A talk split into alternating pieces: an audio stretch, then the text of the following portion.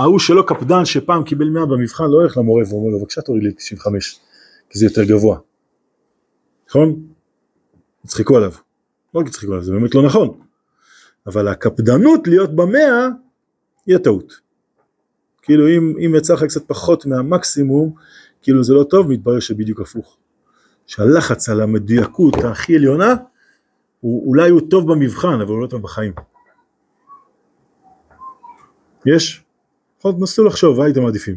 חבר מבריק, אבל ברוב שהוא מבריק אין לו זמן לדבר איתכם, או הפנים שלו זועפות, או שיהיה לו 94 בממוצע, אחלה גבר.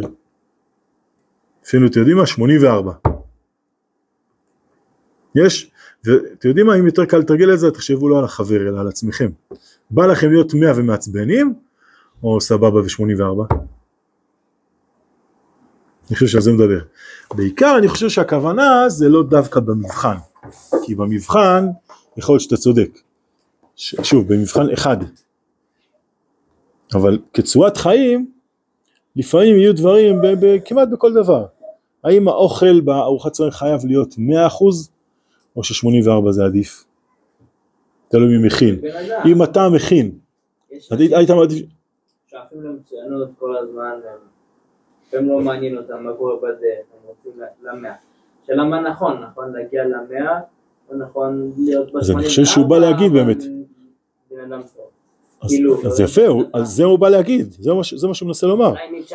לא אז אם אתה מאה אז אתה לא בן אדם טוב גם? כאילו, לא מחויב. אבל, לא מחויב, אבל השאיפה מה זה? שמייצרת, כן כן אתה שואל נכון, השאיפה לייצר מצב שאם זה 100 זה מצוין ואם זה קצת פחות לא שווה כלום, מייצרת מצב שממילא יש קפדנות, כן?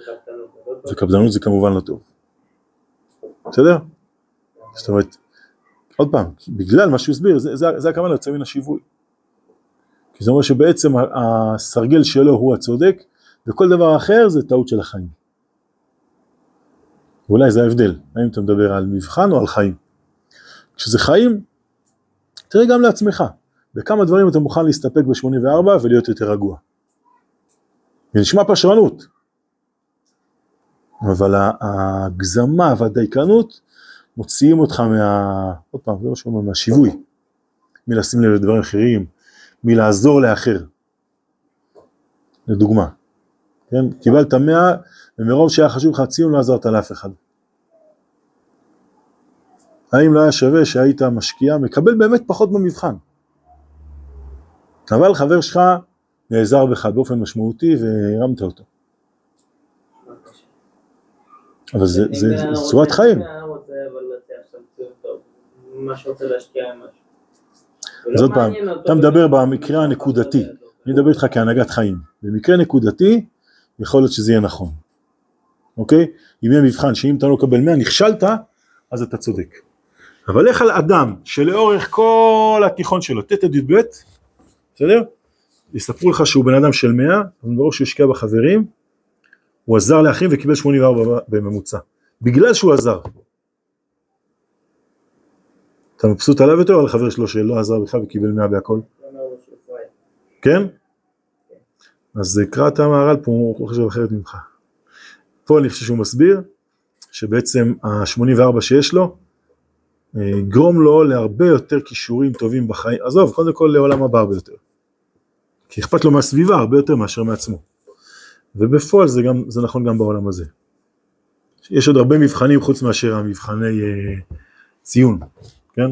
האינטליגנציה הרגשית שלו, והיחס שלו לאחר, וההבנה שלו שיש חוץ מעולם הזה עוד אה, פרופורציות נוספות. ומה עם העניין של להגיד, לה- אפשר להגיד לקדוש ברוך הוא נתן לו כישרון מסוים, אבל הוא לא מנצל אותו, כי הוא עוזר. אז זה כישרון אחד. יש לו כישרון להצליח במבחנים. יש לו גם באמת כישרון שלאו דווקא כמוך. אז הוא כאילו לקח איזה שפיץ אחד, והתמקצע בו מאוד מאוד מאוד, וזנח את כל, הס- את כל שאר הדברים. עבודת המידות שלו קיבל 4, לא 84. יש? ובסוף אתה רוצה להיות בן אדם עם ציונים טובים. אבל אם אתה ציונים טובים ואתה לא בן אדם, אז, אה, אתה זאב בודד. וזה באסה, כי באמת, עוד פעם, יש, פה, יש מגוון כישרון, זה כמו מישהו שבאמת יקבל 100 במבחן אחד, מרוב שהוא למד עליו וכל השאר הוא נכשל. יש?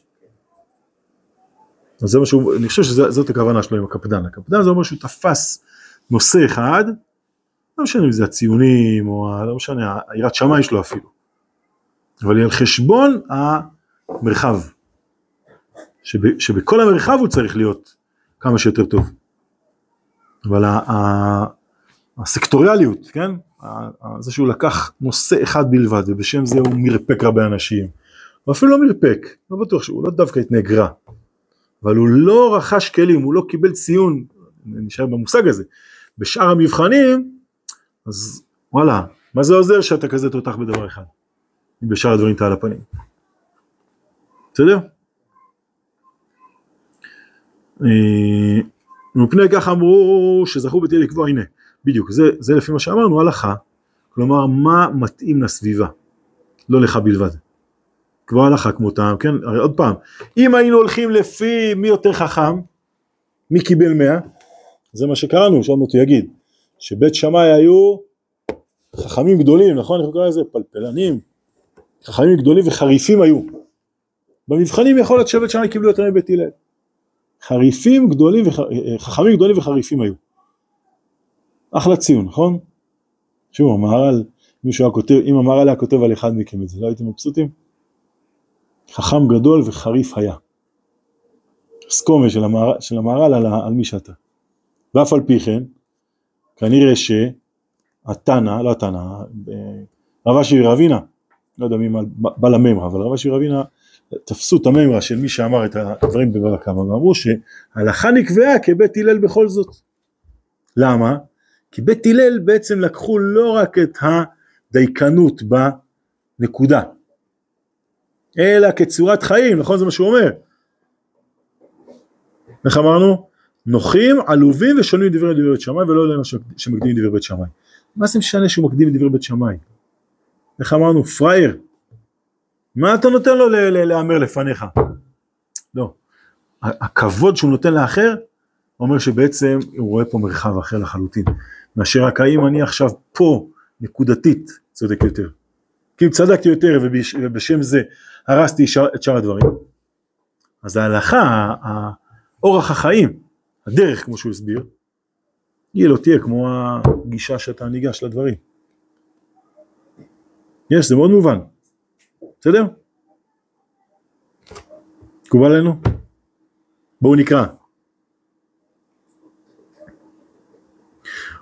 אה, שלא יוקב את שמאי שהיו קפדנים וידוע כי הקפדן מפני גודל כעסו יוצא מן השיווי לגמרי, כן הנה בשביל דבר אחד הוא יכול לכעוס, ובעצם כעס מוציא את האדם מהעולם. וההלכה הוא הדרך שאינו יוצא, מן, שאינו יוצא לימין ולשמאל, כלל רק הולך בשיווי, כלומר באמצע, ובאמצע זה לא באמצע הפשרן, אלא באמצע המרכזי. אינו שר לימין ולשמאל, וכך נקרא הלכה, כי ההולך הוא הולך ביושר, אינו נוטה מן הדרך. הישר והשווה כלל, לא לימין ולשמאל, כן? כי ההולך הוא הולך בדרך, הולך ביושר, אינו נוטה מן הדרך הישר והשווה כלל, לא לימין ולשמאל, וזהו מידת בית הלל, שהיה להם מידה זאת בכל הנהגתם, צריך להדגיש את המילה, בכל הנהגתם. יש? כלומר, כיוון שהם התמקצעו בהכל, לכן בעצם חלק מהעבודה שלהם הייתה לא רק במבחן, לא רק בחוכמה, אלא גם בדברים שמסביב. שהיו, כן, אה, שלא היו, סליחה, יוצאים מן השיווי, שהיו נוחים. הלאה, אני חושב שלפה הגענו. ואל תאמר כי בית שמאי לא חכמים, כי אדרבה היו חכמים גדולים וחריפים היו. קראנו את זה קודם, אבל אני חושב שפעם קודמת הגענו רק עד לפה. רק לעניין ההלכה שהוא הדרך הישר הוא לבית הלל, מפני שהיו בעל ההלכה מבלי שיצאו מן הסדר, וכן במה שהיו עלובים. ושונים דבריהם ודברי חבריהם, וכל זה ענייני הנחה לגמרי, כן? כלומר הכותרת של שלושת הדברים זה הבעלי הנחה. כי שאר בני אדם, כאשר יאמר לו דבר, ממהר לכעוס בעולב. מי שאומר לך משהו הופך ממה שאתה, בום, חזרה. תגובה מיידית. אמרנו, נכון? חמור קופץ בראש, הזכרנו בשבוע שעבר? אה? חושב שכן. לא בטוח? כלומר, לפעמים התגובה המהירה היא בעצם סוג של תגובה מהבטן, לא תגובה מה, מהמרחב, עוד פעם. בסדר? אם אמרו לך משהו הפוך ממה שנכון, אם אתה קפדן, אתה ישר, הופ, מה פתאום? בסדר? לפעמים ההמתנה היא גם כן בעצם עוד פעם בעל הנחה. בסדר, אז מישהו אמר הפוך ממך. אם אתה צודק, אל תדאג. האמת תהיה ניכרת בהמשך. הלחץ להחזיר את הדברים להיות כתיקונם הוא לפעמים מראה על איזה היסטריה כזאת. מכירים? אה, הוא אומר, אתה אל תנקוט עמדה, תהיה תמיד באמצע. הוא לא אומר, לא אומר אל תנקוט, הוא אומר אל תזדרז, לא אל לא תזדרז, אל תזדרז. טוב, זה אתה צודק, זה צריך כן להסביר קצת, מה שכידוע הרמב"ם מסביר, שדרך האמצע היא לא דרך של פשרנים, אלא הזהירות מכל אחד מהצדדים הקיצוניים, היא בעצם, אתה צודק, שהיא מאוד מאוד רגועה, אבל היא, היא עבודה מאוד מאוד גדולה, לא להיות לא קמצן ולא פזרן, זו עבודה גדולה, נכון? כן, אבל באופן כללי, ב- לא יודע- לא מדבר דווקא קמצן או- פזרן, אבל זו דוגמה, אבל אתה, אוקיי. לנקוט עמדה ב- באופן כללי בחיים. כן, רק אל תזדרז, זה מה שאמרנו קודם, אל תזדרז לנקוט עמדה. עמדה יש, גם, גם הדרך שהולכת, לפעמים מסתובבת ימינה ושמאלה. אבל אתה לא נוסע על הזכוכיות שבפינה. יש, אתה פונה ימינה ושמאלה, אבל במרכז הדרך. מבין את ההבדל? כאילו בן אדם ש... קח מישהו שלא יודע לנהוג, שים אותו על אוטו, ותגיד לו לפנות ימינה בצומת. תראה שהוא יכול עם הגלגלים האחוריים כמעט להיתקע בבניין, נכון? או קח מישהו שלא יודע לנהוג על משאית, וגם כן תגיד לו לנסוע ימינה או שמאלה, אז הוא ינהג עם הגלגלים הקדמיים. נכון? למה? כי צריך לפנות שמאלה, סליחה, ימינה, לא משנה, בסדר? כל אחד מהכיוונים. אבל כשאתה, אם אתה רגוע, אז אתה מצליח כן לראות, לקחת אחריות על כל הדאבל קבינה שלך, לא יודע על מה. בסדר? אז אתה כן פונה, יש לך דעה. אבל אתה פונה במרכז, אתה לא פונה בבהילות. בהילות מראה על בעצם כאילו, אה צריך לפנות, זה אומר שאסור להיות פה. הכל בסדר, אתה פונה, אתה לא... אף אחד לא מאיים עליך. יש, כמו כל דבר, נכון? כשאדם לא נמצא ב, ב, ברוגע, כשהוא לא בשיווי, אז הרבה פעמים הוא מתנהג בצורה לא, לא נכונה. נכון? אדם באירוע צריך לשמור על קור רוח. הרבה פעמים לא אוהבים קור רוח. מה זה קור רוח? אדישות, נכון? אבל יש מצבים שבהם קור רוח הוא הכי נכון. כי המצב כאילו מוציא, מוציא אותך מהקור רוח, עכשיו נראה אותך בכל זאת מצליח לתפקד נכון. זה מאוד קשה. גם לא, לא, לא כל אחד מתאים לזה. לא כל אחד צריך להיות לוחם.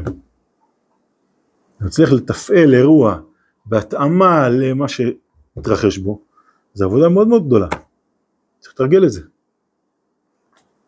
יש?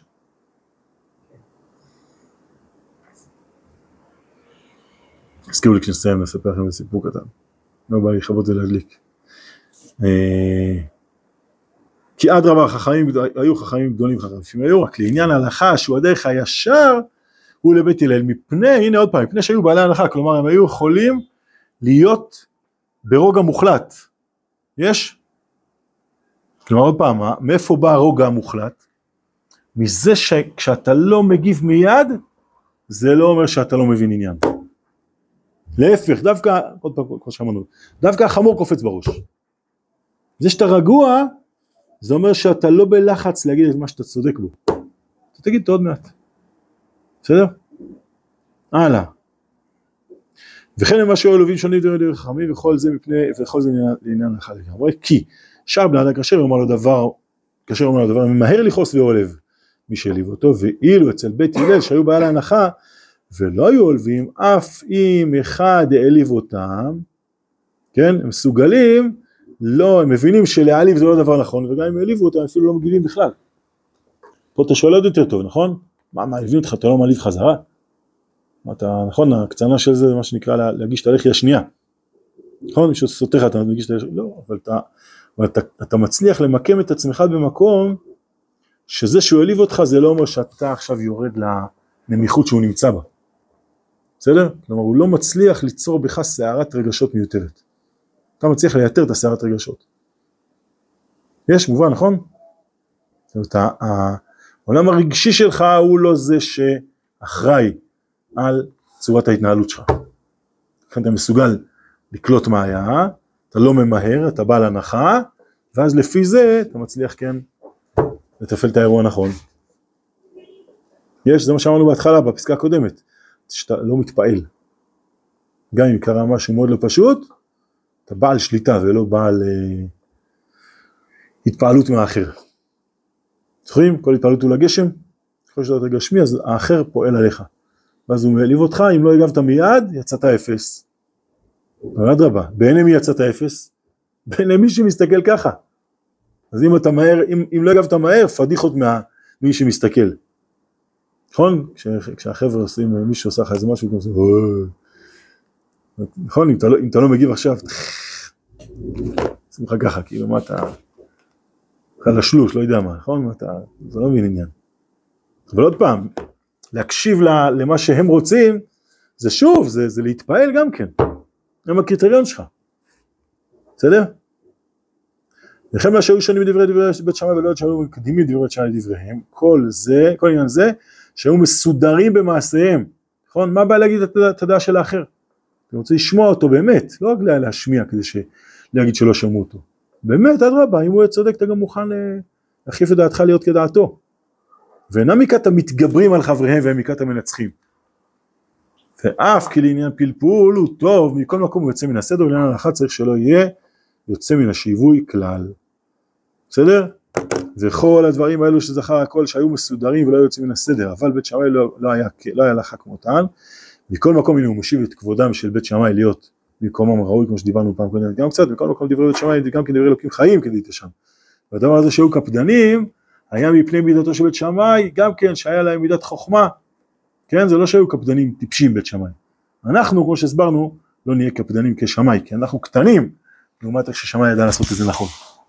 אבל אדם, אה, אדם גדול, יש לי, הנה, כדאמרין, אם ראית תלמיד חכם נוקם ונותר איבה כנחש חוגר על מותניך, כן, אם אתה יודע שהוא ענק ובכל זאת נוקם ונותר כנחש, אז תדע לך, הוא לא, תבין שהוא מעבר למידתך, אז אצלו זה נכון. והדבר הזה ביארנו במקומו, אבל עניין לאחר ראוי, ראוי בבית הלל, שבית הלל, כבית הלל, שבית הלל היו מסודרים במעשיהם, אינם יוצאים לשיווי, לכך ראוי הוא להלכה. עד כאן.